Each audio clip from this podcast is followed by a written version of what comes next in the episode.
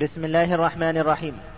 أيها الإخوة بموجب فهرس مكتبة الإبانة السمعية بجدة فإن رقم هذا الشريط هو أربعة وسبعون دال على ثلاثة وستين وستمائة وثلاثة آلاف وهو الشريط التاسع عشر من شرح كتاب الصلاة من الروض المربع.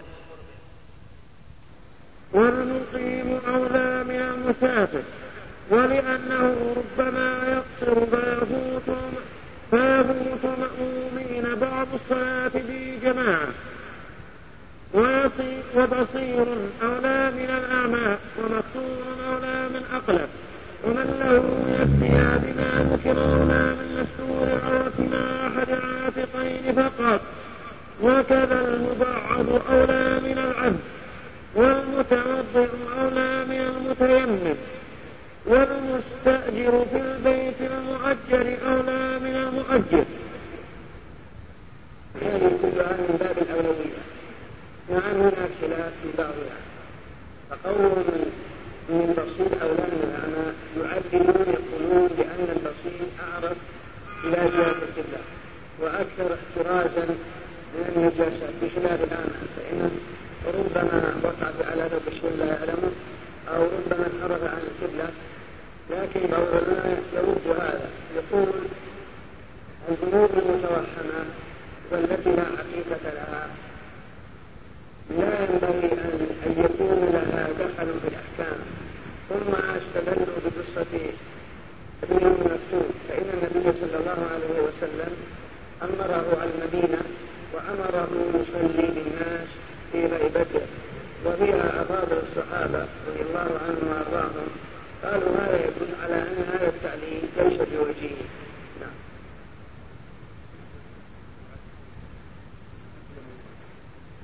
اي صحيح. عن أبي هريرة أن النبي صلى الله عليه وسلم قال لا يصلي أحدكم بالثوب الواحد ليس على عاتقه منه شيء.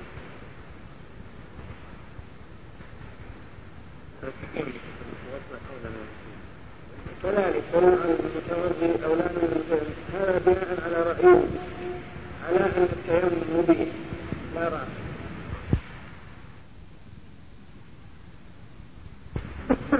لكن الناس يدلون بأن التيمم مبيح وإلا إثبات على حدث.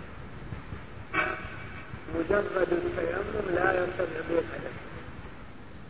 وإنما عند الضرورة أباح لك الصلاة وأباح لك الطواف عند عدم الماء تدلوا بقصة عمرو بن العاص في غزوة ذات الثلاث وكان أميرا على السرية وكانت في ليلة بالية شافية فاحتلم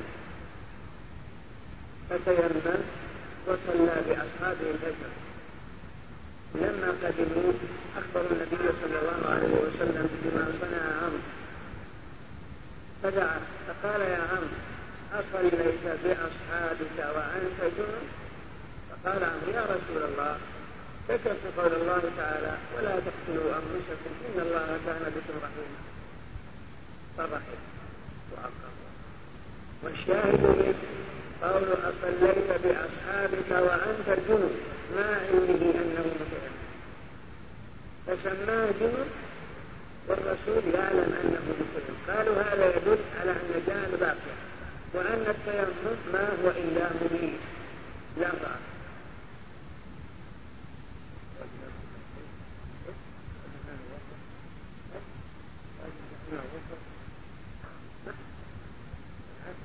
ما عندك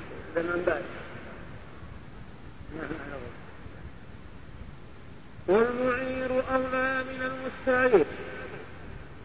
والمعير أولى من المستعير. بخلاف الأجير فإن المستأجر أولى من المستأجر لأن المستأجر مالك للمنابع وأما المستعيد مباح له الانتفاع وإلا ليس هو مالك للمنابع فيكون المعين أولى بالإمام من المعين فلو أعارك بيته سكنه وجاء المحيط فهو أحق بالإمام لأنه وأنت ما ملكت الشيء لا منابع ولا رقبة. إنما أباح لك الانتفاع في المستأجر وتكره إمامة غير الأولى بلا إذنه لحديث إذا أما الرجل القوم وفيهم من هو خير من تبع ذكره أحمد في رسالته. وتكره إمامة دون الأولى مع وجود من هو أولى منه. وإلا فالإمام في هذا الحديث من رواه الإمام في السنية من أما قوما وفيهم من هو خير منه لم يزالوا في شفاعة. يعني لم يزالوا في وجود شفاعة يعني لم يزالوا في الجميع والخطاب. إلا إمام المسجد وصاحب البيت فتحرم إلا إمام المسجد والبيت فتحرم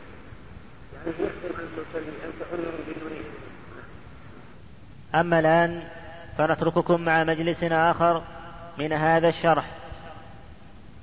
ولا تصح خلف فاسق ككافر ولا خلف امرأة ولا خنثى للرجال ولا صبي لبالغ ولا أخرس ولا عاجز عن ركوع أو سجود أو قعود أو قيام إلا إمام الحي المرجو زوال علته. ويصلون وراءه جلوسا ندبا فإن ابتدى بهم قائما ثم اعتل فجلس أتموا خلفه قياما وجوبا. نبينا محمد وعلى آله وصحبه قال رحمه الله تعالى ولا تصح الصلاة خلف فاسق مطلقا سواء كان فسقه من جهة الأفعال أو الاعتقاد إلا في جمعة وعيد تعذرا خلف غيره لقوله عليه الصلاة والسلام لا تؤمن امرأة رجلا ولا أعرابي مهاجرا ولا فاجر مؤمنا إلا أن يقهره سلطان يخاف سوطا وسيفا رواه ابن ماجه رواه ابن ماجه عن جابر. بسم الله الرحمن الرحيم قال رحمه الله تعالى ولا تصح الصلاة خلف فاسق. الفاسق معناه كل من ارتكب كبيرة. كل من ارتكب كبيرة هو فاسق. والكبيرة رابطها كل ذنب ختم بغضب أو لعنة أو نار أو نفي إيمان أو سخط. فهذا مرتكب كبيرة. مثل لعن الله شارب الخمر. لعن الله السارق يسرق البيضة فتقطع يده عليها وما أشبه ذلك. فهؤلاء يطلق عليهم مسمى الفسق فالصلاة خلفهم لا تصح. هذا الأفعال الذي فسق بفعله. وهذا هو المذهب مو من المفردات. فإن وأما مذهب جمهور العلماء فالصلاة خلفهم صحيحة. للمستدلين بما جاء عنه صلى الله عليه وسلم أنه قال صلوا خلف من قال لا إله إلا الله. قالوا هذا يدل على أن الصلاة خلف الفاسق صحيحة ذنبه عليه ولكن ما دام أنه مسلم ولم يسلب عن حقيقة الإسلام فهو تصح الصلاة خلفه. ويقول ابن تيمية وغيره كل من صحت صلاته في نفسه فتصح الصلاة خلفه أما المذهب؟ لا. ما دام أن على هذه الحالة فلا. مستدلين بهذا الحديث. لا يؤمن ولا أعرابي مهاجرا ولا مؤمن فاجرا يعني أن الفاجر لا يؤم المؤمن ولا فاجر مؤمنا والفاجر هو الفاسق أما بالنسبة للعقيدة من فسق في عقيدته فهذا هو المذهب أيضا. وهو قول كثيرين من أهل العلم. و وهو أشد من الفاسق بالفعل. فالرأي الموفق وجماعة أن الفاسق بالفعل تصح الصلاة خلفه. وأما بالعقيدة فذهب بعض الأصحاب إلى أن لا تصح. وخاصة إذا كان فسقه مخالفا للقرآن والسنة كالجهمي مثلا الجهمي الذي ينفي عن الله الصفات يقول لا لا سمع له ولا بصر ولا يتكلم ولا يرحم ولا يغضب ولا يسخط ولا يحب.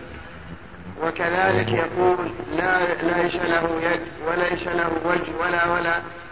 ينفي عن صفات الأفعال وصفات الذات. ويمكن أيضا أن الله على عرشه يرد قول الرحمن على العرش استوى بل يقول إنه حال في كل مكان لا يخلو منه مكان دون مكان بل وفي الحشوش وفي كذا وفي كذا هؤلاء كفرهم أهل السنة. من زعم هذا الزعم فأهل السنة كفروه لأنه في الحقيقة مكذب للقرآن راد لما دل عليه القرآن والسنة. وقد قال ابن القيم أن هؤلاء كفرهم خمسمائة عالم من علماء الإسلام. فقال في النونية ولقد تقلد كفرهم خمسون في عشر من العلماء في البلدان يعني عشرة في خمسين. قبل خمس ضرب عشرة في خمسين يحصل خمسمائة. ولقد تقلد كفران الجميع ولقد تقلد كفرهم خمسون في عشر من العلماء في البلدان واللالكائي الإمام حكاه عنهم بل حكاه قبله الطبراني. يعني أن اللالكائي وكذلك الطبراني حكى تكفير الجهمية القائلين بهذا القول عن خمسمائة عالم من علماء المسلمين من سلفنا الصالح. وكذلك أيضا من أنكر شيئا من الصفات أو زعم أيضا أشد من هذا أو أقل من هذا مما يتنافى مع القرآن والسنة لأن بدعهم تختلف. كما أن الكفر يزيد وينقص كما هو معلوم. ولا يزيد الكافرين كفرهم عند ربهم إلا مقتا ولا يزيد الكافرين خسارة إلا خسارة. ثم ازدادوا كفرا. إلى غير ذلك كما هو معروف. قالوا إن هؤلاء إما أن يكون كافر أو يكون فاسق. فإذا صار فاسق لا تصح الصلاة خلفه لكن قول أكثر أهل العلم كل ما صحت صلاته في نفسه فإنه تصح إمامته. نعم.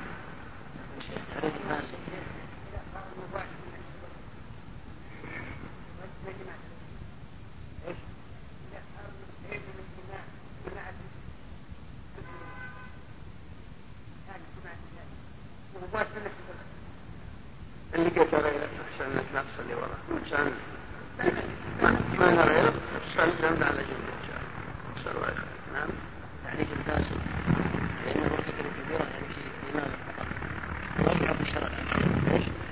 تعريف الفاسق لأنه مرتكب كبيره في الايمان فقط في عرف الشرع لأن في الشرع الصغير ما يسمى فاسق في الشرع يسمى الصغير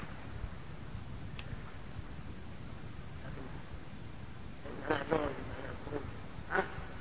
يقول واحد ينشر الشرع ما يسلم لكن ما يسمى فاسق بالمعنى المعروف ما ترد ترد شهادته لأن الفاسق هو الذي لا تصح إمامته على المذهب وهو الذي لا تقبل شهادته أيضا وهو الذي فيه عيب عند إرادة التزوج أو ما أشبه ذلك أما من ارتكب صغيرة فهذا من لا يكاد أحد يسمى ولا يسمى فاسق. بل تقبل شهادته.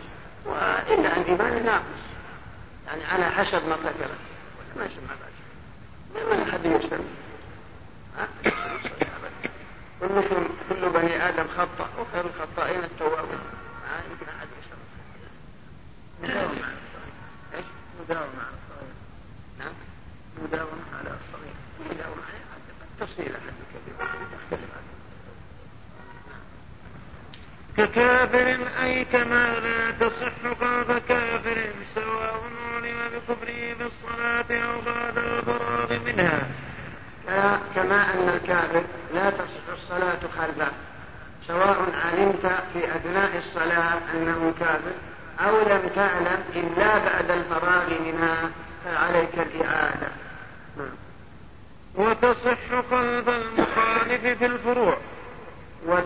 خلف المخالف الفروع. لا إنكار في مسائل الاجتهاد كالحنبلي يصلي خلف المالكي أو الحنفي أو الشافعي أو بالعكس. كل ذلك لا بأس لأنه نشأ عن حسن النية واجتهاد وليس الخلاف في العقيدة مثل الخلاف في الفروع. بل الخلاف في الفروع أيسر وأسهل. الصحابة رضي الله عنهم اختلفوا في الفروع لكنهم لم يختلفوا في العقيدة أبدا. ما وقع بهم أي خلاف في العقيدة. أما في الفروع يقع نعم. وإذا ترك الإمام ما يعتقده واجبا وحده عمدا بطلت صلاتهما. وإذا ترك الإمام وحده ما يعتقد وجوبه في الصلاة بطلت صلاته صلاة المأموم. لأن صلاة المأموم تبطل بصلاة الإمام. وإن كان الإمام المأموم يرى أن هذا غير واجب. فمثلا التكبير من أمثلة التكبير. أن ترى أن تكبيرات الانتقال واجبة. تعتقد هذا. كما هو المذهب. الله أكبر سمع الله لمن حمده. ربنا ولك الحمد. الله أكبر السجود. الله أكبر إذا رفعت من السجود. هذا واجب عندنا وعند أهل الحديث. مذهب الأئمة الثلاثة أن هذا سنة فلو مثلا صليت بناء وأن تعتقد وجوب التكبيرات فما هو العمل عليه الآن؟ ولكنك ركعت بدون تكبير. ورفعت من الركوع بدون أن تقول سمع الله لمن حمده. بطلت صلاته وصلاة المالكي والحنفي والشافعي الذي صلى خلفك وإن كانوا لا يرون أنها واجبة. إنما بطلت صلاته ببطلان صلاتك. لأنك تعتقد وجوب هذه الأشياء تكبيرات الانتقال وهم لا يعتقدون وجوبها بل يرون أنها سنة. وقد سبق بينا أدلة هؤلاء وأدلة هؤلاء. قلنا أن الحنابلة يستدلون بأن تكبيرات الانتقال واجبة فلو ركعت بدون تكبير ورفعت بدون أن تقول سمع الله لمن حمده بطلت صلاته إذا كنت متعمد لأنها من واجبات الصلاة. وإن تركتها شهوا على تسليم سهوا مستدلين الحنابلة بأن النبي صلى الله عليه وسلم لم يتركها في صلاة ولا مرة واحدة. بل قال إذا كبر فكبروا وإذا ركع فاركعوا وإذا قال سمع الله لمن حمد فقولوا ربنا ولك الحمد إلى آخره. وقال صلوا كما رأيتموني أصلي. قال الحنابلة والحديث هذا يدل على وجوب تكبيرات الانتقال لأن الرسول لم يتركها ولا مرة واحدة. وقال صلوا كما رأيتموني أصلي. وكان يعلم أصحابه التكبير. فهذا يدل على الجمهور يقول لا كل هذا للسنة لو ترك لا حرج. لو قلت الله أكبر تكبيرة الإحرام وركعت وسجدت وركعت ولا كبرت ولا مرة لين تسلم من الصحيح مستدلين بحديث المسلم. وهو أن النبي صلى الله عليه وسلم رأى رجلا يصلي ثم لما صلى جاء وسلم عليه. قال الرسول ارجع. فصلي فإنك لم تصلي فرجع فصلى.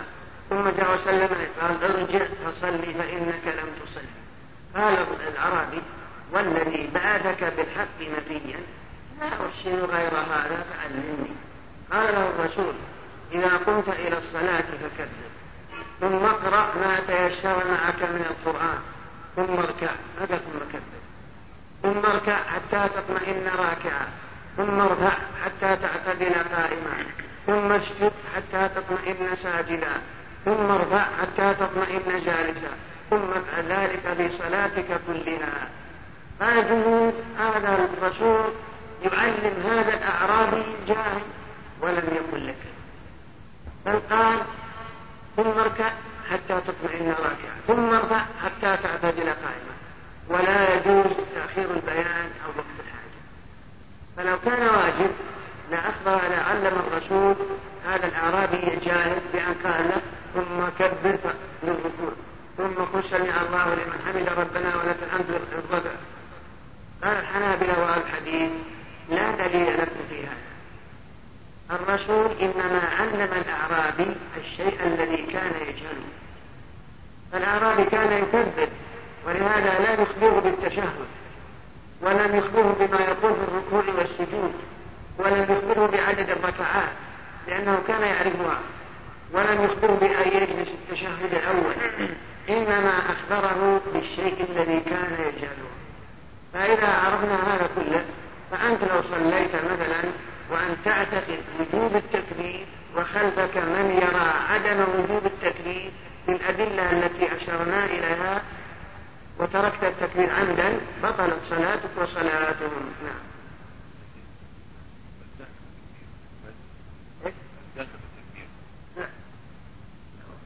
ينبغي أن يشمل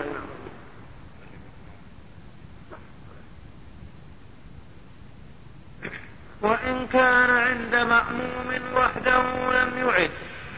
وإن كان عند مأموم وحده لم يعد. لم يعد. لو مثلا أن ترى التكبير واجب وإمامك مالك ولا ومن ترك ركنا أو شرطا أو واجبا مختلفا فيه بلا تأويل ولا تقليد أعاد. ومن ترك ركنا أو شرطا أو واجبا مختلفا بلا تأويل كما لو ترك القيام بلا عذر. أو ترك شرطا من شروط الصلاة بلا عذر. أو ترك واجبا بلا تأويل. أيضا فإنه والمسألة التي أشرنا إليها ترك واجبا بتأويل لأنه يرى أن التكبير غير واجب بدليل حديث المسلمين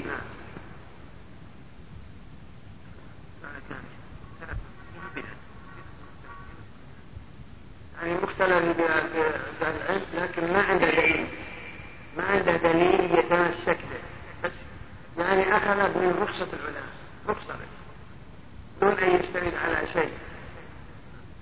ولا تصح صلاة رجل وخنثى خلف امرأة لحديث جابر السابق.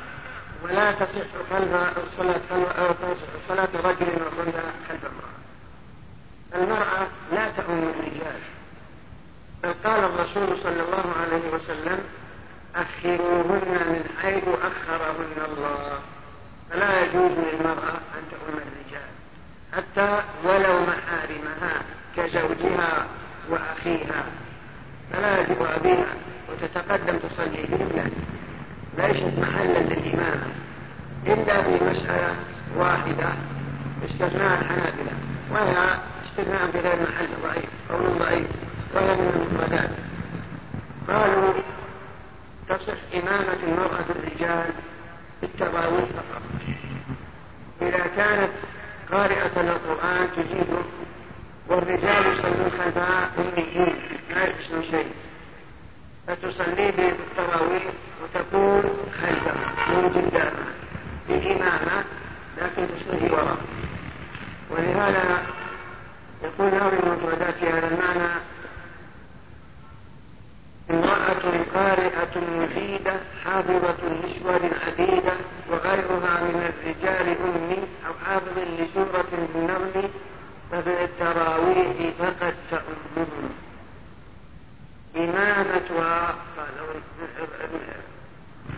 من خلفهم يعني تكون موقفها تكون خلف الرجال. لكن هذا ما عليه دليل نعم. وراء تصلي من التراويح ولا خلف كنت من الرجال والخناثى لاحتمال أن يكون امرأة. كذلك ولا تصح صلاة الرجال خلف الخنثى لو تقدم يصلي بين الخنثى مع صحة الصلاة. لاحتمال أن يكون امرأة.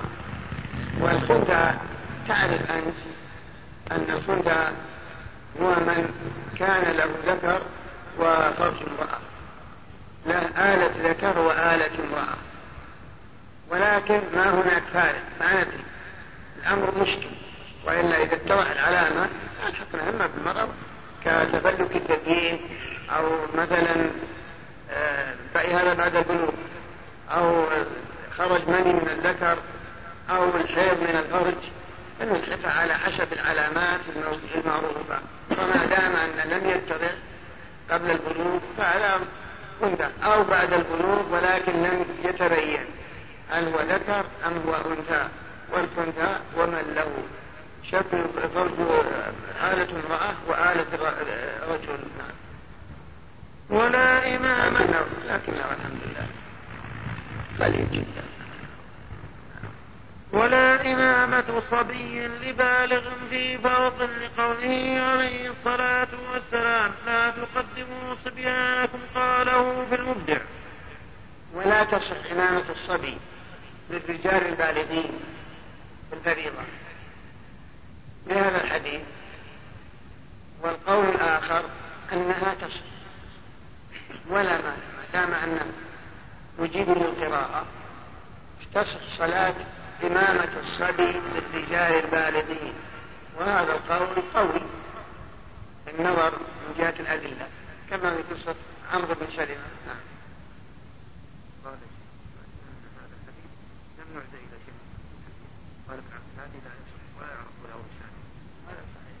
نسب هنا إلى وتصح في نفل وإمامة, وإمامة صبي بمثله. وتصح إمامة الصبي للرجال البالغين في النفل لو تقدم الصبي يصلي مثل التراويح لا بأس. أما الفريضة فلا. ولكن الصواب جوازه الفريضة ما دام أنه مجيب للقرآن وأقرأ للموجودين فلا مانع إن شاء الله. لا والأدلة في هذا كثيرة. نعم. وكذلك تصح عندهم إمامة الصبي بصبيان مثله نعم ولا إمامة أخرس ولو بمثله لأنه أخل بفرض الصلاة لغير بدل. ولا تصح إمامة الأخرس ولو بفرسان كما لو تقدم يصلي أطرم. ما وراء يعني مسكين مسكين ما يستطيع يقرأ الفاتحة ولا يستطيع يؤدي واجبات الصلاة. حتى ولو كان المأمون كله فرس مثله فلا تصح إمامته بهم نعم ولا إمامة عاجز عن ركوع أو سجود أو قعود إلا بمثله. ولا تصح إمامة عاجز عن ركوع أو سجود أو قيام إلا بمثله. مثلا لو تقدم إنسان مسلم شايف تعبان يصلي ولا يقدر ولا يقدر يقوم يصلي وهو جالس لا يصح. لأنه عاجز عن فرض القيام والمأمومون يستطيعون بخلاف ما لو اعتل مثلا كما يأتي أو إمام الحي على الاستثناء الذي يأتي بيانه. نعم. أو قيام أي لا تصح إمامة العاجز عن القيام لقادر عليه إلا بمثله؟ إلا إمام الحي أي الراتب أي الراتب أي الراتب بمسجد إلا إمام إلا إمام الحي أي الراتب المرجو بلى مستثنى لكن إلا هنا ملغاة ما تعلم لأنه لا تصح أخذ عاجز عن ركوع أو سجود أو قيام إلا إمامي. إمامي مستثنى من قيام. فالمستثنى هو من جنس المستثنى في حكم المستثنى منه. ما هو ما هو ما, ما أفاد شيء خارج عما سبق. هو إلا هنا تعتبر تعمل إلا إمام الحي أي الراتب بمسجد المرجو زوال علته لئلا يبطي إلى ترك القيام على الدوام. إلا إمام الحي المرجو زوال علته. يعني معناه تقرر لنا أن لا أن أنه لو صلى بنا إنسان عاجز عن الركوع والسجود هذا ما نصلي وراه. أو صلى بنا وهو جالس ونحن قيام. كذلك. إلا إمام الراتب بشرط أنه الإمام الراتب ومرجو زوال علته يبيح مسكت رجله ولا استطاع أما إذا كان لا يرجى زوال علته لكبر سنه هذا لا. ينبغي عزل عن نعم. ويصلون وراءه جلوسا ندبا ولو كانوا قادرين على القيام لقول عائشة. صلى النبي صلى الله عليه وسلم في بيته وهو شاك فصلى جالسا وصلى وراءه قوم قياما. فأشار إليهم أن اجلسوا فلما انصرف قال إنما جعل الإمام ليؤتم به إلى قوله وإذا صلى جالسا فصلوا جلوسا أجمعون. قال ابن عبد البر روي هذا مرفوعا من طرق متواترة. يعني أن الإمام الراتب المرجو زوال علته إذا صلى بنا جالس نصلي وراء أولا لابد أن يكون هو الإمام الراتب وثانيا لابد أن يرجى زوال علته. فإذا بدأ بنا من أول الصلاة جالس فإننا نصلي خلفه بالجلوس لا نخالف. مستدلين بحديث عائشة في الصحيحين وهو أن النبي صلى الله عليه وسلم آه، جلس في قدمه فجاءوا يعودون فحضرت الصلاة فصلى بهم جالس فقام خلفه قوم قياما فأشار إليهم أن يجلسوا فجلسوا. ثم لما فرغ لأنه صلى الله عليه وسلم صلى في مرض موته قاعدا فصلى أبو بكر والناس خلفه قياما متفق عليه عائشة. أما إذا اعتل في أثناء الصلاة لم يدخلها مريض من أول الصلاة بل صلى بنا قائم ثم جاء ما استطاع أن يقوم. فإنها يصلي يسمى القيام. فرقا بين هذه والتي قبلها. التي قبلها مرجو زوال التي صلى بنا افتتح الصلاة جالس صلي جنوب الثانية افتتح الصلاة قائم هذه خلاف. لكن بعدما صلى ركعة أو في أثناء الركعة الأولى مثلا اعتري أوجعت رجليه وكله طاح ما عادش نقيم صلى بنا جالس فنحن نتم خلفه قياما وجوبا لا يجوز لنا بدليل أن أبا بكر رضي الله عنه صلى بالناس والنبي مريض ثم لما جاء الرسول في أثناء الصلاة أراد أن يتأخر أبو بكر فأشار إليه أن اثبت مكانك. فثبت مكانه فصار الرسول يصلي يقتدي أبو بكر بصلاة الرسول والناس يقتدون بصلاة أبي بكر. فأكملوا صلاتهم قياما والرسول كان جالس نعم وكان أبو بكر ابتدى بهم قائما كما أجاب به الإمام. ننبه الإخوة المستمعين إلى أننا لم نحصل على شرح الشيخ لقول المؤلف وتصح خلف من به سلس البول بمثله إلى قوله وإن قدر على إصلاحه لم تصح صلاته لذا فإننا أتممناه بشرح فضيلة الشيخ محمد الصالح العثيمين على هذا المقطع وذلك من شرحه على زاد المستقنع. وستجدونه في الملحق الأول من الشريط السابع والعشرين من هذه المجموعة.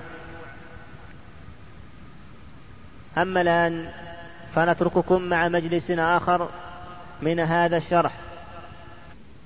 وتكره إمامة اللحان والفأفاء والتمتام ومن لا يفصح ببعض الحروف. وأن يؤم أجنبية فأكثر لا رجل معهن أو قوما أكثرهم يكرهه بحق وتصح إمامة ولد الزنا والجندي إذا سلم دينهما. ومن يؤدي الصلاة بمن يقضيها وعكسه لا مفترض بمتنفل ولا من يصلي الظهر بمن يصلي العصر أو غيرهما. الحمد لله رب العالمين وصلى الله وسلم على أشرف الأنبياء والمرسلين نبينا محمد وعلى آله وصحبه. قال رحمه الله وتكره إمامة اللحان أي كثير اللحن الذي لا يحيل المعنى. بسم الله الرحمن الرحيم. قال رحمه الله تعالى وتكره إمامة اللحان أي اللحن الذي لا يحيل المعنى. وذلك مثل أن يقرأ الحمد لله الحمد لله رب العالمين بكسر الدال وفتح الهاء في الجلالة وكسر وفتح الله رب العالمين. هذا إمامة مكروهة ولكن الصلاة صحيحة لأن هذا اللحن لا يحيل المعنى حتى ولو كان من يصلي خلفه أجود من القراءة وأقوم للفاتحة إلا أن إمامته مكروهة. هذا ما دام أن لحنه لا يحيل المعنى ككسر ذال الحمد وفتح هذه الحمد لله وفتح الباقي رب العالمين. نعم.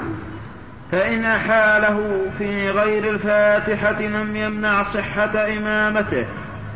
فإن أحال المعنى في غير الفاتحة فإمامته صحيحة. إذا كانت إحالته للمعنى جهلا أو سهوا أما إن كان متعمد فالصلاة غير صحيحة. لكن لو كالعامي مثلا يقرأ ويحيل المعنى في غير الفاتحة جهلا منه فإمامته صحيحة. إلا أنه لا ينبغي أن يوم إذا وجد من هو أحسن منه نعم إلا أن يتعمده ذكره في الشرح. إلا أن يتعمد اللعن. فلا يصح بكل حال. متلاعب. هذا متلاعب. أما إذا كان ما ما قصده وصار اللحن هذا يحيل المعنى فالصلاة صحيحة مع كراهية إمامة في هذا نعم. وإن أحاله في غيرها سهوا أو جهلا أو لآفة صحت صلاته. وإن أحال المعنى جهلا أو سهوا صحت صلاته أو أحال لآفة أيضا كذلك صحت الصلاة. الجهل معلوم والشهو أيضا معلوم والآفة جرى على لسانه من غير قصد لا هو ناسي وله جهل جرى على لسانه من غير قصد. مما يحيل المعنى فمثلا لو فرضنا أن الإنسان يصلي بالناس لو كنت أنت تصلي مثلا قرأت سورة النور ولما وصلت إلى قوله تعالى والذين يرمون أزواجهم ولم يكن لهم شهداء إلا أنفسهم فشهادة أحدهم أربع شهادات بالله إنه لمن الصادقين. والخامسة أن لعنة الله عليهم إن كان من الكاذبين. لو مثلا قريت في كتاب الله فإن بدأت باللعان قبله. مثل الجاد ولا مثل المنتهى فإن بدأت باللعان قبله لم يصح. أو أبدل لفظة أشهد لم يقسم. أو اللعنة بالغضب أو الشخط من غير قصد؟ فالصلاة صحيحة. لا نقول أنها بطلة. نعم. وتكره إمامة الفأفاء والتمتام ونحوهما والفأفاء الذي يكرر الفاء والتمتام من يكرر التاء. وتكره إمامة الفأفاء وهو الذي يكرر الفاء.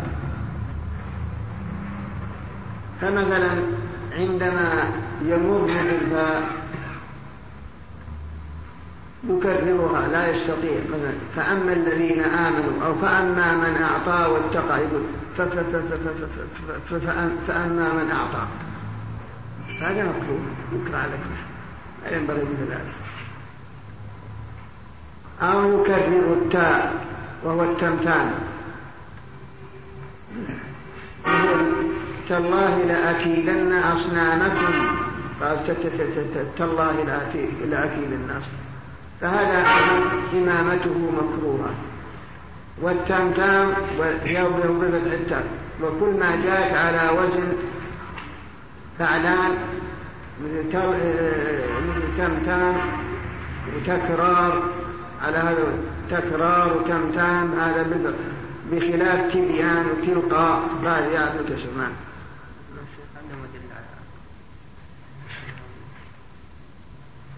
لأن الصلاة عملا من أدلتهم حديث يؤم القوم أقرأهم لكتاب الله فإن كانوا في القراءة سواء فيعلمهم بالسنة هذا في نقص. هذا الذي يكرر التاء في قراءته لأنه زاد ما ليس وتكره إمامة من لا وتكره إمامة من لا يفصح ببعض الحروف كالقاف والضاد. وتكره إمامة من لا يفصح ببعض الحروف. لكن عندما يقرأ لا لا يريد الحروف. فمثلا قوله الحق وله الملك ما تظهر القاف بالسرعة مثلا؟ أو أن القاف ثقيلة لأنها تخرج من أقصى الحلق. قوله الحق. فربما خففها ولا تبين. فإمامة مثل هذا مكروهة. نعم.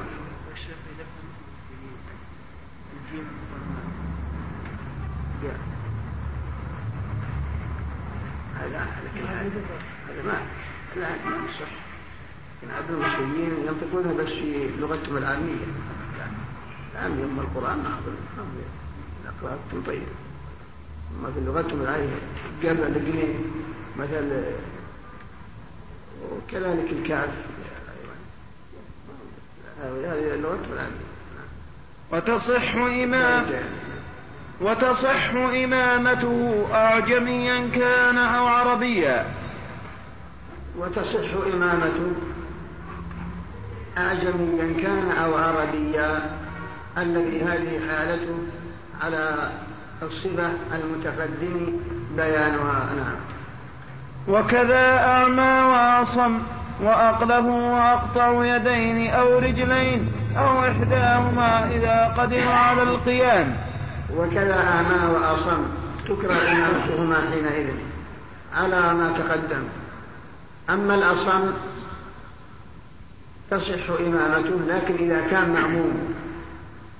ذكروا أنه إذا كان الأصم مأموم فلا تصح.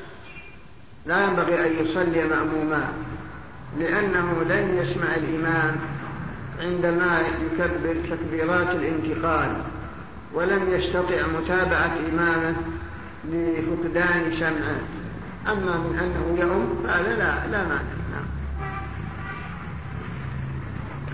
والأعمى لماذا؟ والأقطع اليدين الأعمى عللوا يقولون لأنه ربما انحرف عن جهة القبلة ولأنه ربما أصيب بنجاسة في ثوبه أو شيء ولا يصيرها لكن يرد عليهم استخلاف النبي صلى الله عليه وسلم لابن أم مكتوم في المدينة مع وجود أفاضل الصحابة ولعموم قوله صلى الله عليه وسلم يؤم القوم أقرأهم لكتاب الله. فإذا كان أقرأ وأعلم فلا شك أنه أولى. كما فعل الرسول حين قدم ابن أم ابن أم مكتوم نعم. ومن يصرع فتصح إمامتهم مع الكراهة لما فيه من النقص. وكذلك إمامة من يصرع وهو الذي يصاب بشيء من التشنج إما جني يخالط ويصرع أو اختلاط في الدماغ. فضلات تكون في الدماغ فتصيب من جنس الغمامة. فيصاب بتشنج فتكره إمامته لأنه ربما أصيب في أثناء الصلاة. ولأن في الغالب من كان يصرع على هذه الكيفية الغالب من عقليته يكون فيها ضرب من النقص. فهو يؤثر على العقلية. نعم. ويكره أن يؤم امرأة أجنبية فيكتمل رجل معهن لنهيه عليه الصلاة والسلام أن يخلو الرجل بالأجنبية. ويكره أن يؤم أجنبية لا رجل معهن. أما من أنه يؤم نساء أجنبيات منه هذا مكروه وإلا يصح. إلا إذا كان معهم رجل أو كان مع النساء محرم لهذا الإمام. كأخته أو زوجته تصلي مع النساء فهذا تنتهي الكراهة عندهم. نعم. فإن أن محارمه أو أجنبيات معهن رجل فلا كراهة لأن النساء كن يشهدن مع النبي صلى الله عليه وسلم الصلاة. فإن أم محارمه أو أم أجنبيات معهن رجل أو أجنبيات معهن محارمه انتبت الكراهة نعم. أو يؤم قوما أكثرهم يكرهه بحق كخلل في دينه أو فضله لقوله عليه الصلاة والسلام ثلاثة لا تجاوز صلاتهم آذانهم. العبد الآبق حتى يرجع وامرأة باتت وزوجها عليها ساخط. وإمام قوم وإمام قوم وهم له كارهون رواه الترمذي وقال في المبدع حسن غريب وفيه لين أي فيه ضعف. كذلك ويكره إمامة الرجل إذا كان من يؤمهم أكثرهم يكرهه بحق كنقص في دينه. كرهوا لما رأوا عنده من الجفاء وعدم الاستقامة الكاملة كرهوا فيها. ليس بمجرد هوى فلا ينبغي له أن يتركهم ويذهب وإلا لو صلى بهم الصلاة صحيحة. أما إذا كانوا يكرهون ليس بحق بل للهوى والعصبية. وإلا لا ينقمون عليه شيئا من جهة دينه فهذا لا يدخلون بالحديث. الذي جاء به ثلاثة لا تجاوز صلاتهم على نوم. العبد حتى يرجع العابد حتى يرجع إلى سيده. أما إذا كانوا يكرهون ليس بحق بل للهوى والعصبية. وإلا لا ينقمون عليه شيئا من جهة دينه فهذا لا يدخلون بالحديث. الذي جاء به ثلاثة لا تجاوز صلاتهم نوم. العبد حتى يرجع العابد حتى يرجع إلى سيده والمرأة حتى يرضى عنها زوجها. و... وإمام قوم وهم له كارهون. هذا إذا كانوا يكرهونه بحق أما إذا كانوا يكرهون بغير حق فهذا لا حرج عليه ولا كراهة في إمامته والحالة هذه. فإن كان ذا دين وسنة وكرهوه لذلك فلا كراهة في حقه. فإن كان ذا دين وسنة واستقامة وكرهوه من أجل ذلك فلا كراهة في حقه. أو كرهوه.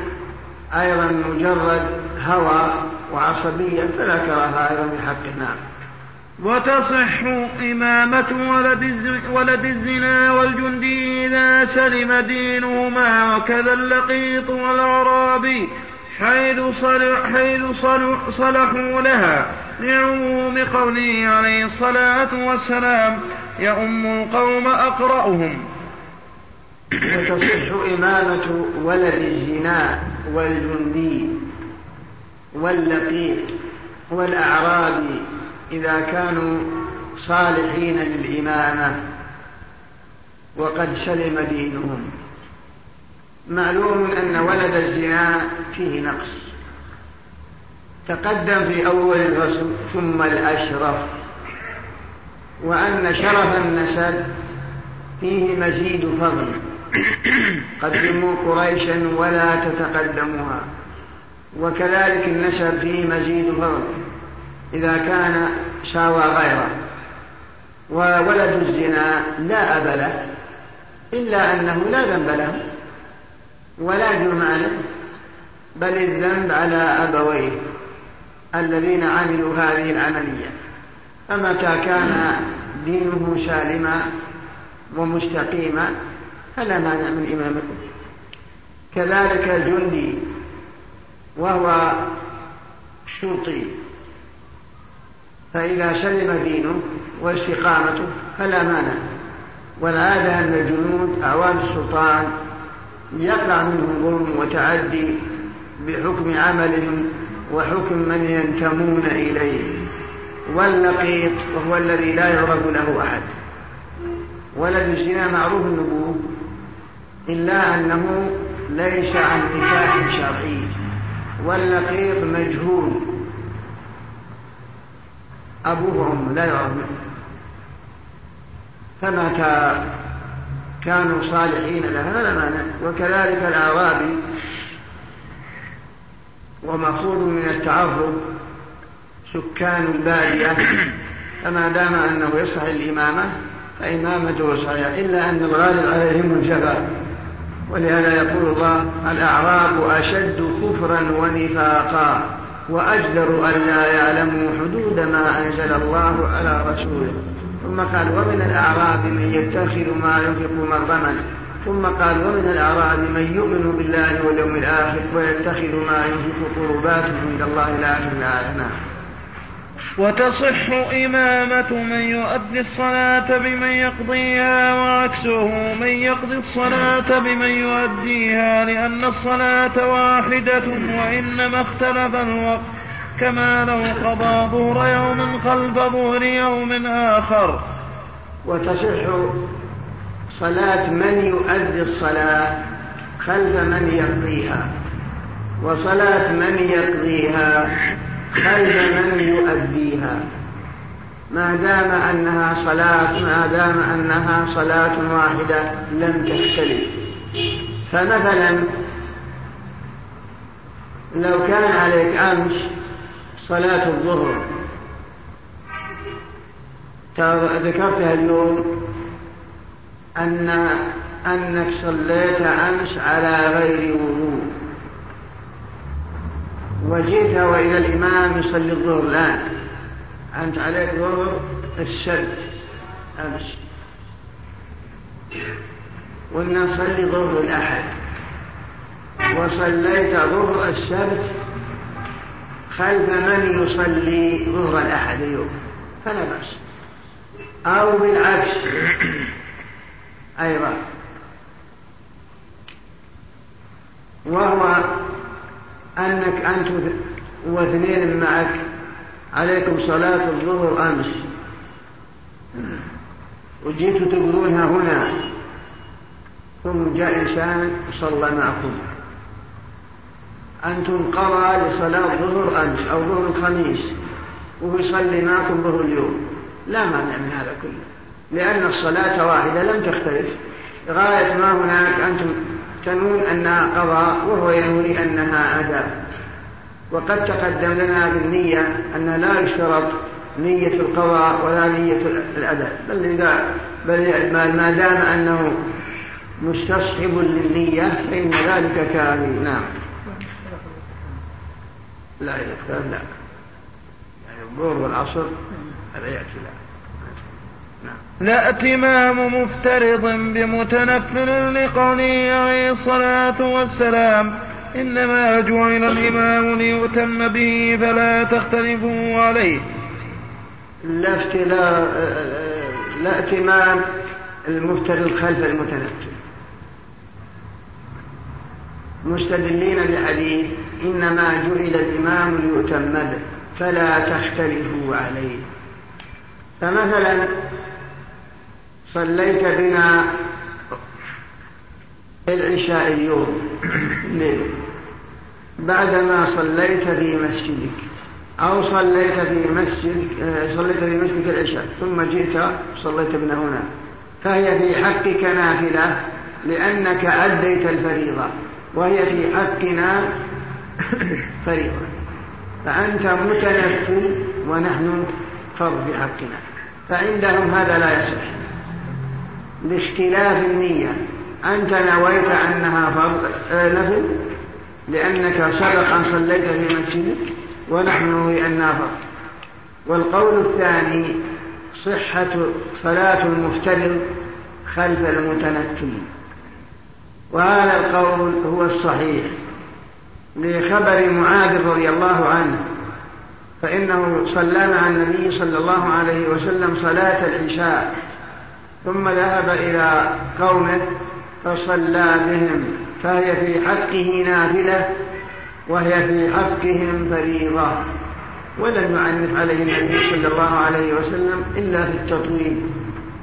لما افتتح بهم سورة البقرة فارقه الرجل صاحب النواضح فأنكر عليه الرسول قال فتان أنت يا معاذ؟ فدل على أن صلاة المفترض خلف المتنفل أنها صحيحة. لكن المذهب لا. مستدلين بحديث إنما جعل الإمام المتمد وأجابوا عن حديث معاذ قالوا إنها قضية عين. وقالوا إن جاء في بعض روايات الحديث عند الدار قطني ما يدل على أنها قضية عين. في حق معاذ فقط. لكن لا يصح هذا. نعم.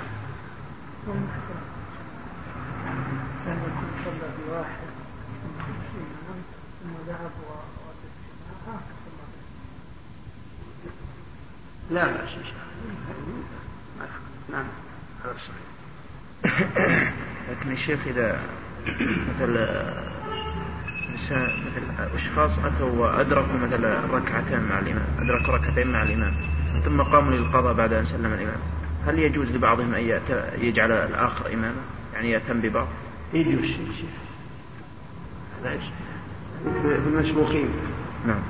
يعني يكون أحد المسبوقين إماما للمسبوق الثاني. هذا يجوز لكنهم يقولون لابد ينوي قبل عندما دخلوا قال فرضنا ركعتين لكن ترك الكلمات فيما نقضي.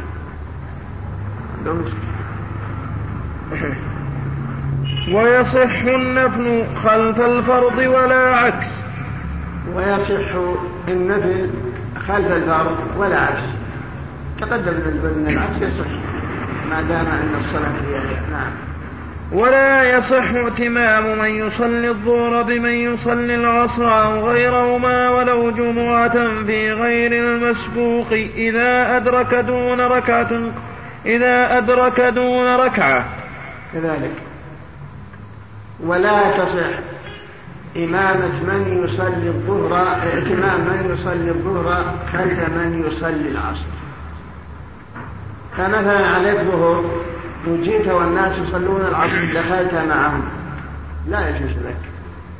لاختلاف النية الإمام ينوي أنها عصر وأن تنوي أنها ظهر. لكن اختار الشيخ تقي الدين جواز هذا ولا مانع منه. ما دام أن الأفعال هي هي والصلاة هي هي وإنما اختلف المسمى فصلاة من يصلي الظهر خلف من يصلي العصر أو صلاة من يصلي العصر خلف من يصلي الظهر أن ذلك عند الشيخ جائز. فمثلا لو كان عليك عصر أمس وصليتها خلف من يصلي آه، عليك ظهر أمس عليك ظهر أمس. وصليتها خلف من يصلي العصر اليوم فعند الشيخ جائز والمذهب لا. نعم. لكن الشيخ عند الشيخ هل يجوز أن يصلي من يصلي العصر خلف من يصلي المغرب؟ هذه في كلام الشيخ نعم يجوز. وإن اختلف حتى عند الجوز حتى في وإن اختلف حتى في التراويح في بعض الأجوبة. نعم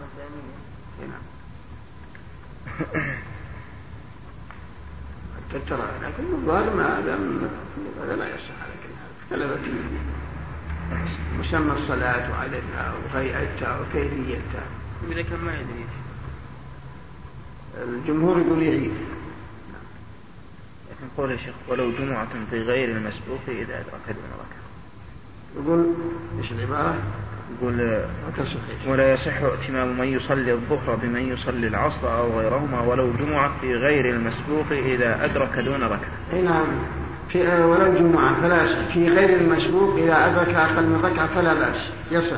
معناه ولا في غير المسبوق هذه مستثنات معناه لو جئت مثلا تعرف أنك لو دخلت مع الإمام في الركعة الأخيرة من صلاة الجمعة وقد دخل وقت الظهر. يجوز لك أنك تنويها ظهر. يجوز أن تنويها ظهر وإذا سلم الإمام تقوم تجيبها ظهر. ف... فإذا أدركت أقل من ركعة جئت والإمام قد رفع رأسه من الركوع في الركعة الأخيرة يوم الجمعة. دخلت معه. ونويت أنها ظهر في حقك. الإمام ناوي أنها جمعة. صحت نيتك. هذا مراده صحت نيتك فإذا سلمت قم تجيب أربع ركعات. ركعتين شهادة. فأصبحت نويت الظهر خلف من يصلي الجمعة. فهذه استثناء. وسيأتي في صلاة الجمعة. قالوا وإن أدرك أقل من ركعة يعني المأموم. صحت له ظهرا إذا كان نوى الظهر وقد دخل وقتها.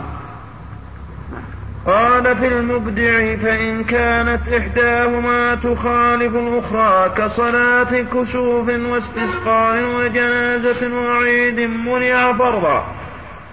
قال في المبدع وإذا كانت الصلاة تخالف الأخرى كصلاة كصلاة كسوف واستسقاء.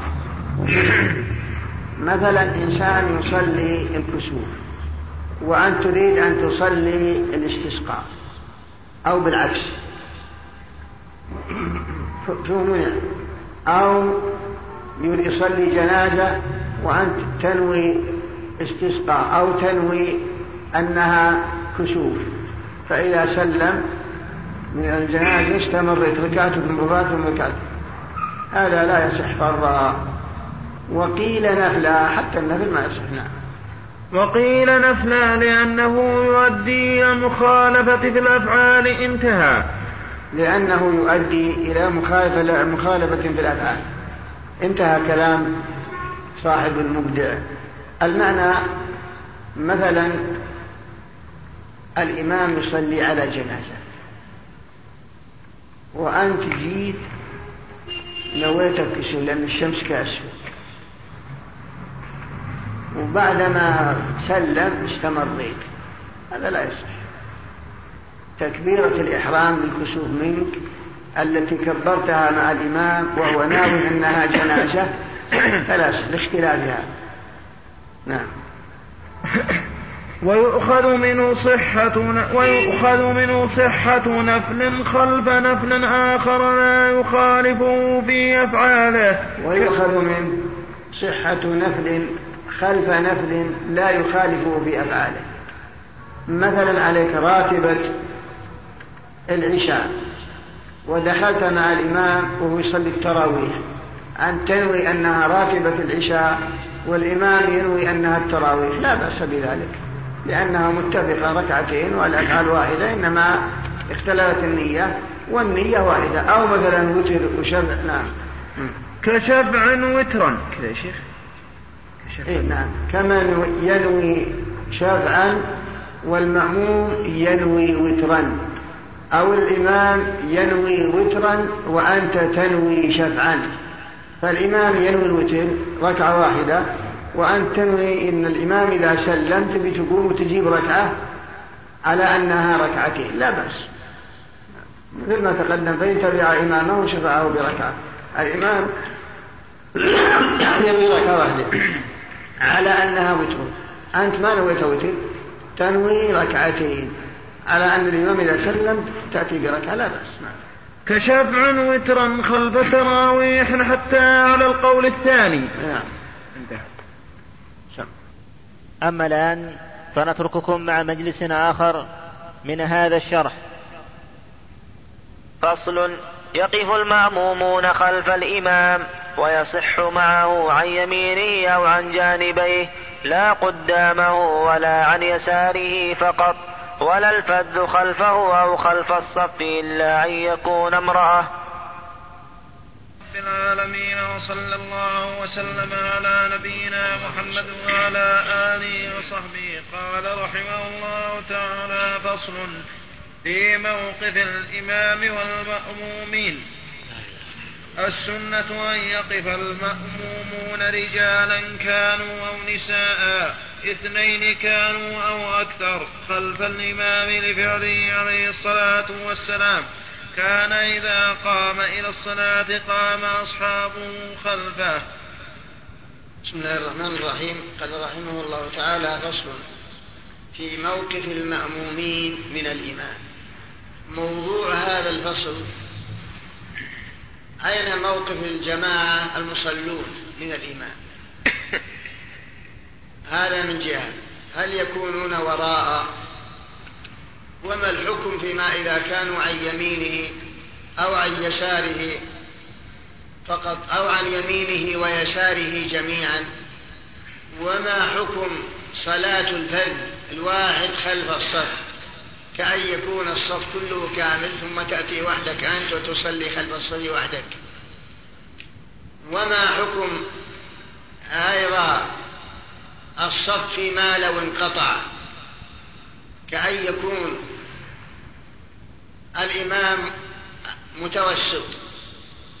وبينك وبينه موقف خمسة رجال أو عشرة رجال ما في أحد. وأنت مين؟ فهل تقتدي به أو لا بد أن تكون وراء الإمام خلف النقرة؟ وكذلك هل يعتبر الصف منقطع عن اليسار؟ فيما لو لم يكن عن يسار الإمام إلا ثلاثة أربعة في طرف الصف هناك أم لابد من اتصال الصفوف؟ وهل الاتصال سنة أو واجب إلى غير ذلك من الأحكام؟ فقوله يقف المأمومون خلف الإمام يعني إذا كان المأموم اثنان فأكثر فموقفهم خلف الإمام هذا هو السنة. لأن رسول الله صلى الله عليه وسلم يتقدم أصحابه مصليا بهم وهم يصفون خلفه. لم يصفوا عن يمينه وعن يساره. وإن كان هذا جائز يعني إذا اقتضى الأمر ذلك لكن المعتاد أنهم يكونون خلفه. هذا هو المعتاد وهو السنة أن المأمومين يقفون خلف الإمام. إذا كانوا اثنين أما لو كان واحد إمام ومأموم فقط فهذا يأتي أنه يكون عن يمينه نعم. ويستثنى منه إمام العراة يقف وسطهم وجوبا ويستثنى من هذا إمام العراة فإنه يقف وسطهم وجوبا تقدم لنا في باب الصلاة باب شروط الصلاة في ستر العورة أن إمام العراة يكون وسطهم. و... وأنه لا يتقدمون لأنه لو تقدمهم وهو عاري شافوا عورته مقعدته وذلك وكل شيء. فيكون في وسطهم بحيث لا يرى بعضهم بعضا وجوبا. وهذا قد تقدم. نعم. والمرأة إذا أمت النساء تقف وسطهن استحبابا ويأتي. والمرأة أيضا إذا أمت النساء تقف وسطهن استحبابا. ويأتي عند قوله وإمامة المرأة تكون وسطها يعني لو اجتمع عشر نسوة واحد منهم جارية تبي تصلي في التراويح أو الفريضة. الفرض ما يمانع لكن الأولى أن تكون في وسط الصف. ما تقدم مثل الرجال مثل الرجال. أخرهن من حيث أخرهن الله. لكن لو تقدمت لا مانع. إلا أن الأفضل في حقها أن تكون في وسط الصف. نعم. ويصح وقوفهم معه أي مع الإمام عن يمينه وعن جانبيه لأن ابن مسعود صلى بين علقمة والأسود وقال هكذا رأيت النبي صلى الله عليه وسلم فعل رواه أحمد. قال ابن عبد البر لا يصح رفعه والصحيح أنه من قول ابن مسعود. ويصح. أن المأمومين يكونون عن يمين الإمام وعن يساره ما في مانع. إلا أن الأولى أن يكونوا خلفه. يعني لو صرنا نصلي في هذا المسجد والإمام صار معنا في الصف الأول. صار في الصف الأول ويصلي. ما في مانع. إلا أنه الأفضل أن يتقدم. هذا هو الأفضل. لأن ابن مسعود رضي الله عنه صلى بعلقمة والأسود واحد عن يمينه وواحد عن يساره. وجاءت آثار عن الصحابة تدل على هذا إلا أن بعضهم يقول إن المكان ضيق. نعم. الشيخ وقوف المرأة وسط النساء. ما عندهم دليل نعم وقوف المرأة وسط النساء. في آثار في بعض الآثار نعم لا قدام أي لا قدام الإمام فلا تصح للمأموم ولو بإحرام لأنه ليس موقفا بحال. لا قدامه لو وقف الإمام المأموم قدام الإمام لا يصح ولو بإحرام. معناه ولو بإحرام مثلا أنت ويا شخص أتتكم الصلاة. تقدمت أنت بتصلي به أنت الإمام وزيد مأموم عن يمينك. لكن كبر تكبيرة الإحرام قدامك ثم انفهد صار بجانبك. ما صحت صلاة لأنه أوقع تحريمة أوقع تكبيرة الإحرام وهو في حال إيقاع حينما قال الله أكبر متقدم عليك. فلا يصح. بل لا بد أن يوقع تكبيرة الإحرام وهو ملاصق لك. مشامتا لك لا قدامك لأن المأموم لا يتقدم على إمامه بل السنة تقدم الإمام على المأموم وهذا موقف المأموم موقف الإمام من المأمومين لكن لما كان واحد فيكون عن يمينه نعم. والإعتبار بمؤخر القدم وإلا لم يضر. والإعتبار بمؤخر القدم وإلا لم يضر. لو كانت رجل يعني ماطات المأموم أطول من ماطات الإمام. مثلا أنت الإمام وزيد هو المأموم. قلنا لو تقدم زيد عليك قلو قليل وكبر لا تصح. قلت طيب هذا صحيح ما صحت صلاته لكن زيد تقول عرقوبة مقابل العرقوبي إلا أن أطول مني رجل بسطة ماطاته تعدتني. إيش الحكم؟ نقول لا بأس. العبرة بمؤخر الرجل. أما لو كان عرقوب تقدمك عليك لا. إذا لو كان مثلا مؤخر رجل تقدم عليك أصبح قدامك. أما إذا كان عرقوبه مثلا مقابل محاذيا لعرقوبك إلا أنه أطول رجل أطول ماطات وصارت أصابع رجل قدام فلا يقال إن الإمام إن المأموم تقدم على إمامه. وإن صلى قاعدا فالاعتبار بالإلية لكن لو مثلا في الكعبة في الحرم إذا كان الإمام مما يلي الباب. الإمام مما يلي الباب. وبينه وبين الباب مثلا خمسة أمتار أو أربعة أمتار والصف اللي وراك كذلك. لكن لما انعطف الصف مما يلي الحجر الأسود والركن اليماني تقدموا على الإمام ما بينه وبين الكعبة إلا مقدار متر وهذاك متأخر. إيش نقول؟ إلا تقدموا هم أقرب أقرب أقرب للكعبة منه ليس شنو؟ نقول شنو نقول جائز لا بأس. جائز. وإذا كان التقدم مع الجهة التي فيها الإمام. اي نعم مو كذلك. إذا كان التقدم مع الجهة اللي فيها الإمام هذا لا يجوز. وإذا كان مع الجهات الأخرى لو سبقوا الإمام ما في مانع. لو كان الإمام مثلا متأخر عنه الإمام متأخر بكل حال بينه وبين أربعة أمتار. وأنت ما بينك وبين الكعبة إلا متر لا شك أنك تقدم كثير إلا أنك أنت في جهة أنت بخلفه وإن صلى قاعدا فالاعتبار بالإلية حتى لو مد رجليه وقدمهما على الإمام لم يضر. وإن صلى جالس فالاعتبار بالألية حتى لو قدم رجله لم يضر. معناه لو صلى إنسان زيد وعمر. زيد هو الإمام. والعمر هو المأموم. وصلى كلهم جالسين. كمرضى. أو نفل. صار زيد يصلي بعمر. وكلهم جلوس. متى يكون عمرو متقدم على إمامه؟ نقول إذا كانت مقعدة عمرو قدام مقعدة زيد. هذا لا يصح. فإذا كانت العبرة بالآلية آلية عمرو محاذية لآلية زيد إلا أن رجل عمرو تقدمت على رجل ذاك مادها مثلا أو ركبته أو هذا لا يصح نعم. وإن كان مضطجعا فبالجنب. نعم. وتصح داخل الكعبة إذا جعل وجهه إلى وجه إمامه. وتصح داخل الكعبة إذا جعل وجهه إلى وجه إمامه لأن الكعبة كلها قبلة.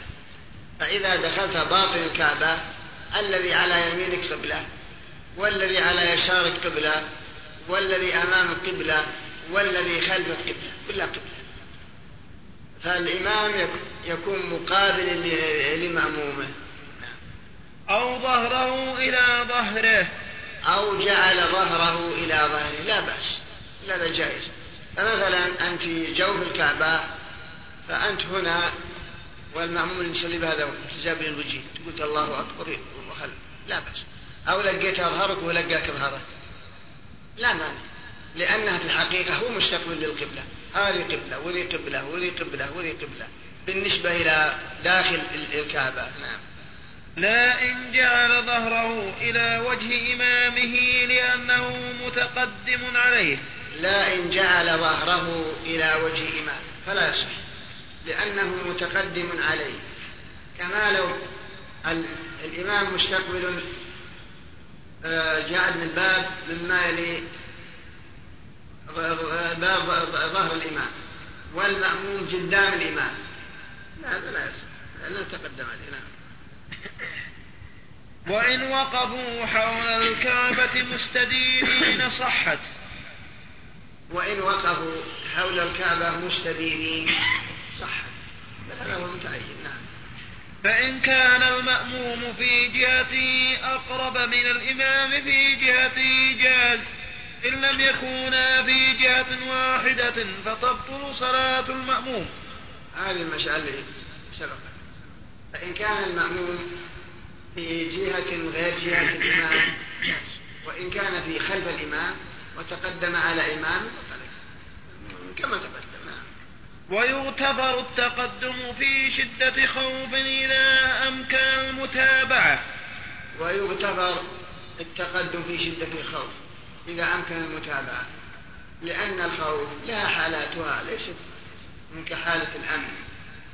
وصلاة الخوف تغيرت بسبب الخوف وتغيرت حالتها وهيئتها فهذا مثله ولا تصح لمأموم إن وقف عن يساره فقط. أي مع خلو يمينه إذا صلى ركعة فأكثر لأنه صلى الله عليه وسلم. أدار ابن عباس وجابر عن يساره إلى يمينه. ولا تصح. صلاة المأموم إذا قام عن يسار الإمام قبل أن شخص مع خلو يمينه. لأن النبي صلى الله عليه وسلم أدار ابن عباس عن يساره بأن جعله عن يمينه. فمثلا لو صرت عن يسار الإمام صليت ركعة ويمينك خالية المذهب أنها لا وهذا من المفردات. ولا مذهب جمهور العلماء أن الصلاة صحيحة. نعم. بما استدل نعم. دليل الجمهور. أو لا معنى دليل حديث ابن عباس.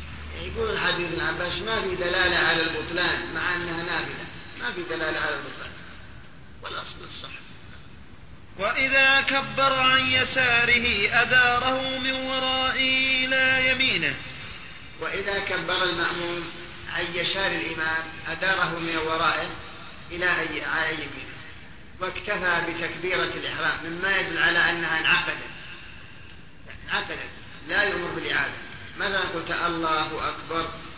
وأنت عن يسار الإمام غاية ما يفعل الإمام يمسك يزيدك من وراه حتى يقيمك عن يمينه. هذه الخطوات وتكبيرة الإحرام التي أديتها وأنت عن يسار الإمام كلها صحيحة ومنعقدة نعم. فإن كبر معه آخر آخر وقفا خلفه. فإن كبر معه آخر وقفا خلفه. كما تقدم من أن المأموم إذا كانوا اثنين فأكثر موقفهما يكونان خلف الإمام لا عن يمينه ولا عن يساره نعم.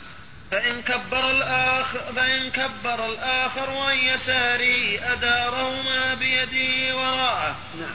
فإن شق ذلك أو تعذر تقدم الإمام فصلى بينهما أو عن يسارهما. يعني معناه صليت أنت واحدا عن يمينك وواحدا عن يسارك هذا لا بأس. لكن الأولى أنك تفهمهم هم يتأخرون عنك ويصلون خلفك. فإن شاء تقدمك كأن المسألة معنى تقول واحد وقف عن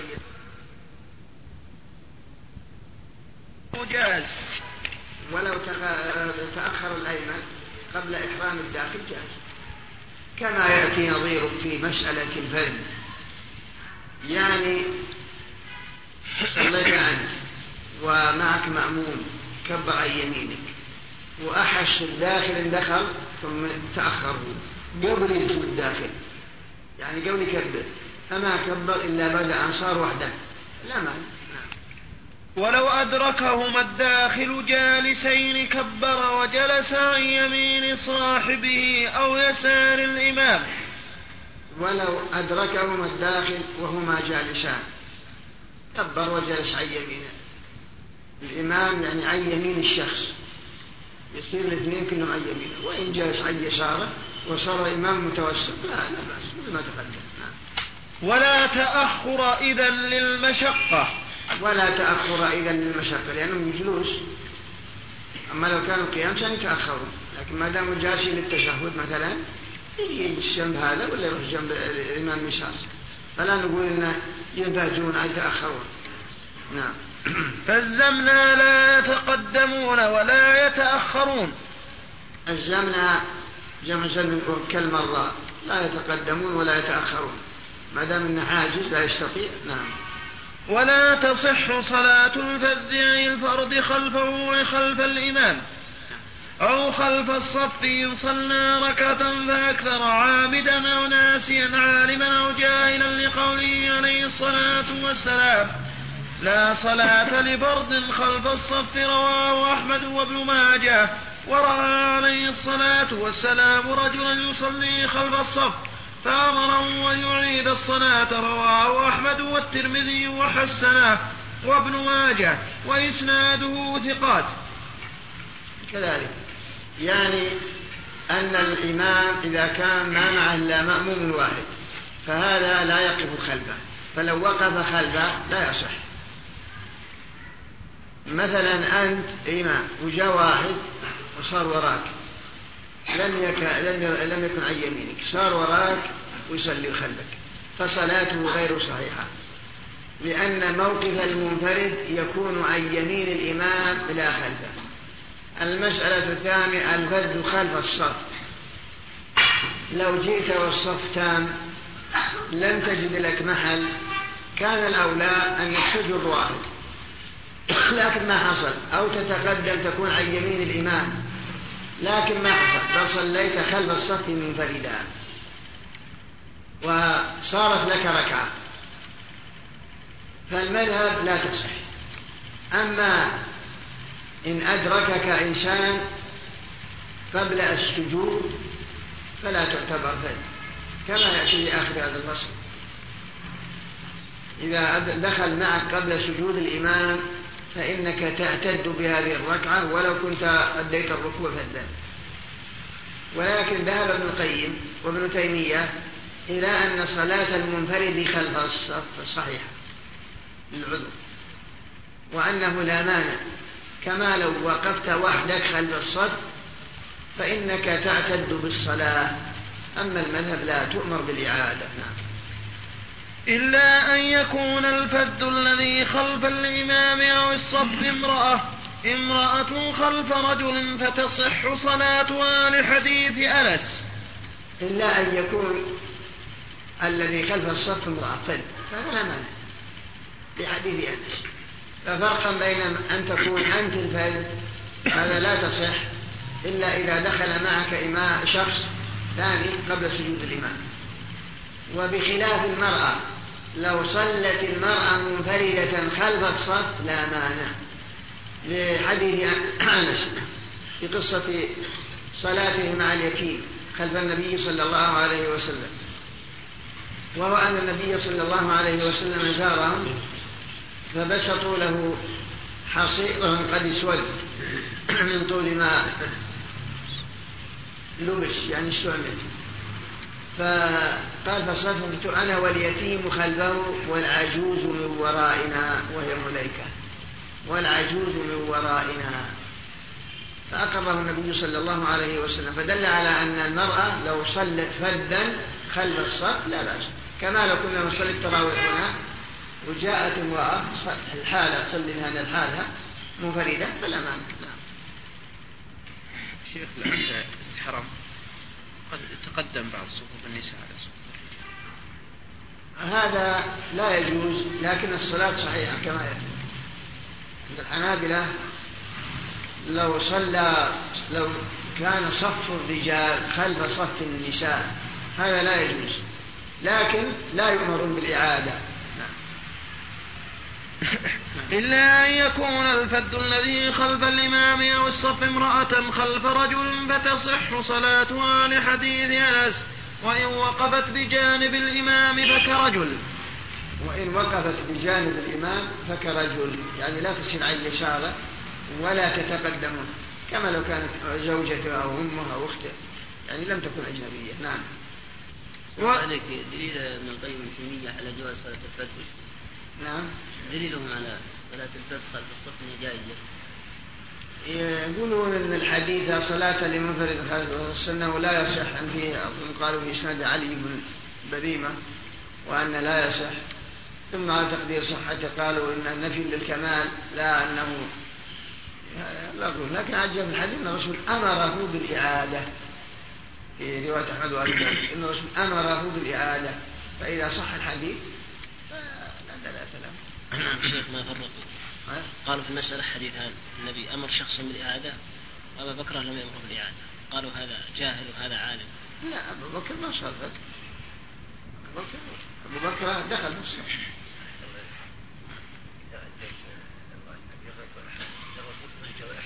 إيش؟ جرت واحد ولا حصل. الرسول جاء ولا حصل يقدم يصير جنب الامام ما حصل. الله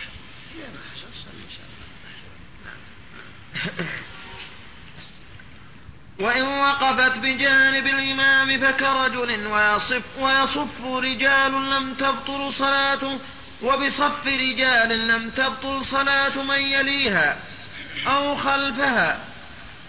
وبصف رجال يعني لو وقفت المرأة في صف الرجال لم تبطل صلاة من يليها ولا من خلفها من الرجال. هذه المسألة لم تبطل. يعني وقفت المرأة في هذا الصف وخلفها صف رجال. هذا لم تبطل. أو معها صف اتصلوا بها كذلك لم تبطل. نعم. فصف تام من نساء لا يمنع اقتداء من خلفهن من رجال. فصف تام من نساء لا يمنع اقتداء صف خلفهن من رجال. لكن هذا لا يجوز بكل حال. لكن بالنسبة للاقتداء وصحة الصلاة الصلاة صحيحة. نعم. أما الآن فنترككم مع مجلس آخر من هذا الشرح. وإمامة النساء تقف في صفهن ويليه الرجال ثم الصبيان ثم النساء كجنائزهم. ومن لم يقف معه إلا كافر أو امرأة أو من علم حدثه أحدهما أو صبي في فرض ففد. الحمد لله وصلى الله وسلم على رسول الله قال رحمه الله وإمامة النساء تقف في صفهن أدبا. روي عن عائشة وأم سلمة. بسم الله الرحمن الرحيم. قال رحمه الله تعالى قلنا فيما تقدم أن الجماعة لا تلزم إلا الرجال الأحرار البالغين كما تقدم وأن النساء لا جماعة عليهن بل يصلين منفردات لكن لو صلوا جماعة فإنه ندب فإنهن لا مانع وإمامتهن تقف في صفهن ندبا فمثلا عشر نساء أرادوا يصلون فريضة أو تراويح. وواحد منهم قرأت القرآن. لو تقدمت أمامهم لا مانع لكن الأفضل تكون في الصف وسط الصف. يمينها نسوان ويسراها نسوان وتصليهم هي وإياهم في صف واحد. هذا هو الأفضل. تقف في صفين لخبر عائشة وغيرها نعم. وأم سلمة. نعم. فإن أمت واحدة وقفت عن يمينها ولا يصح خلفها. فإن أمت واحدة من جنس الرجل صارت المرأة المأمومة عن يمينها ولا تكون خلفها. المعنى لو كان امرأتين واحدة تريد تصلي بالأخرى من جنس الرجل. هذه تقف هنا والمأمومة تكون عن يمين الإمامة. فلا يصح أن تكون خلفها لأنها تعتبر فذة نعم. المذهب سنية الجماعة النساء إيش؟ المذهب سنية الجماعة النساء إيه. بالخلاف نعم لكن الأولى يا شيخ الجماعة ولا عدم؟ ها؟ أولى للنساء الجماعة ولا لا؟ ترك الجماعة صلاة الفرض هو ما في وجاء في حديث مرقان أنه أن النبي أمرها أن تؤم أهل دارها واتخذت مؤدها كما في حديث يرون الجماعة في حقهن أفضل يستدلون بحديث أم ورقة وهو أن النبي صلى الله عليه وسلم أمرها أن تؤم أهل دارها. لكن إذا كنا مجتمعين في مكان واحد. هذه إذا كنا مجتمعين كل هذا صلوا الجميع وكل وقت الحال كما عليه الأمر ما في مانع. نعم. ويليه أي الإمام نعم. من- المأمومين الرجال الأحرار ثم العبيد الأفضل فالأفضل لقوله عليه الصلاة والسلام ليليني منكم ليليني. نعم. ليليني أحسن. ليلني منكم أولو الأحلام والنهى رواه مسلم. ويلي الإمام الرجال الأحرار. يعني يكون الصف الأول الرجال الأحرار ثم العبيد المماليك لكن الذي يقدم الأفضل فالأفضل. لقول النبي صلى الله عليه وسلم اللي يلني منكم أولو الأحلام والنهى أي العقول. الفضلاء. وهذا إذا تقدم أو تساووا أما إذا تقدم المفضول للروضة وهذا المستحق الذي هو أفضل تأخر فالحق لمن تقدم. لأن من سبق إلى مكان إلى ما لم يسبق إليه مسلم هو أحق به. نعم. ولو كان الشيخ دون التمييز صغير دون التمييز. لا دون التمييز يأتي ولا. صغير. لا نعم. هذا الصلوات وغيرها إيش؟ الكلام الآن في الصلاة مش غير مش مثل يعني إيش؟ لا أخذنا إيش؟ أصوت شوي أقول أخذنا الفضل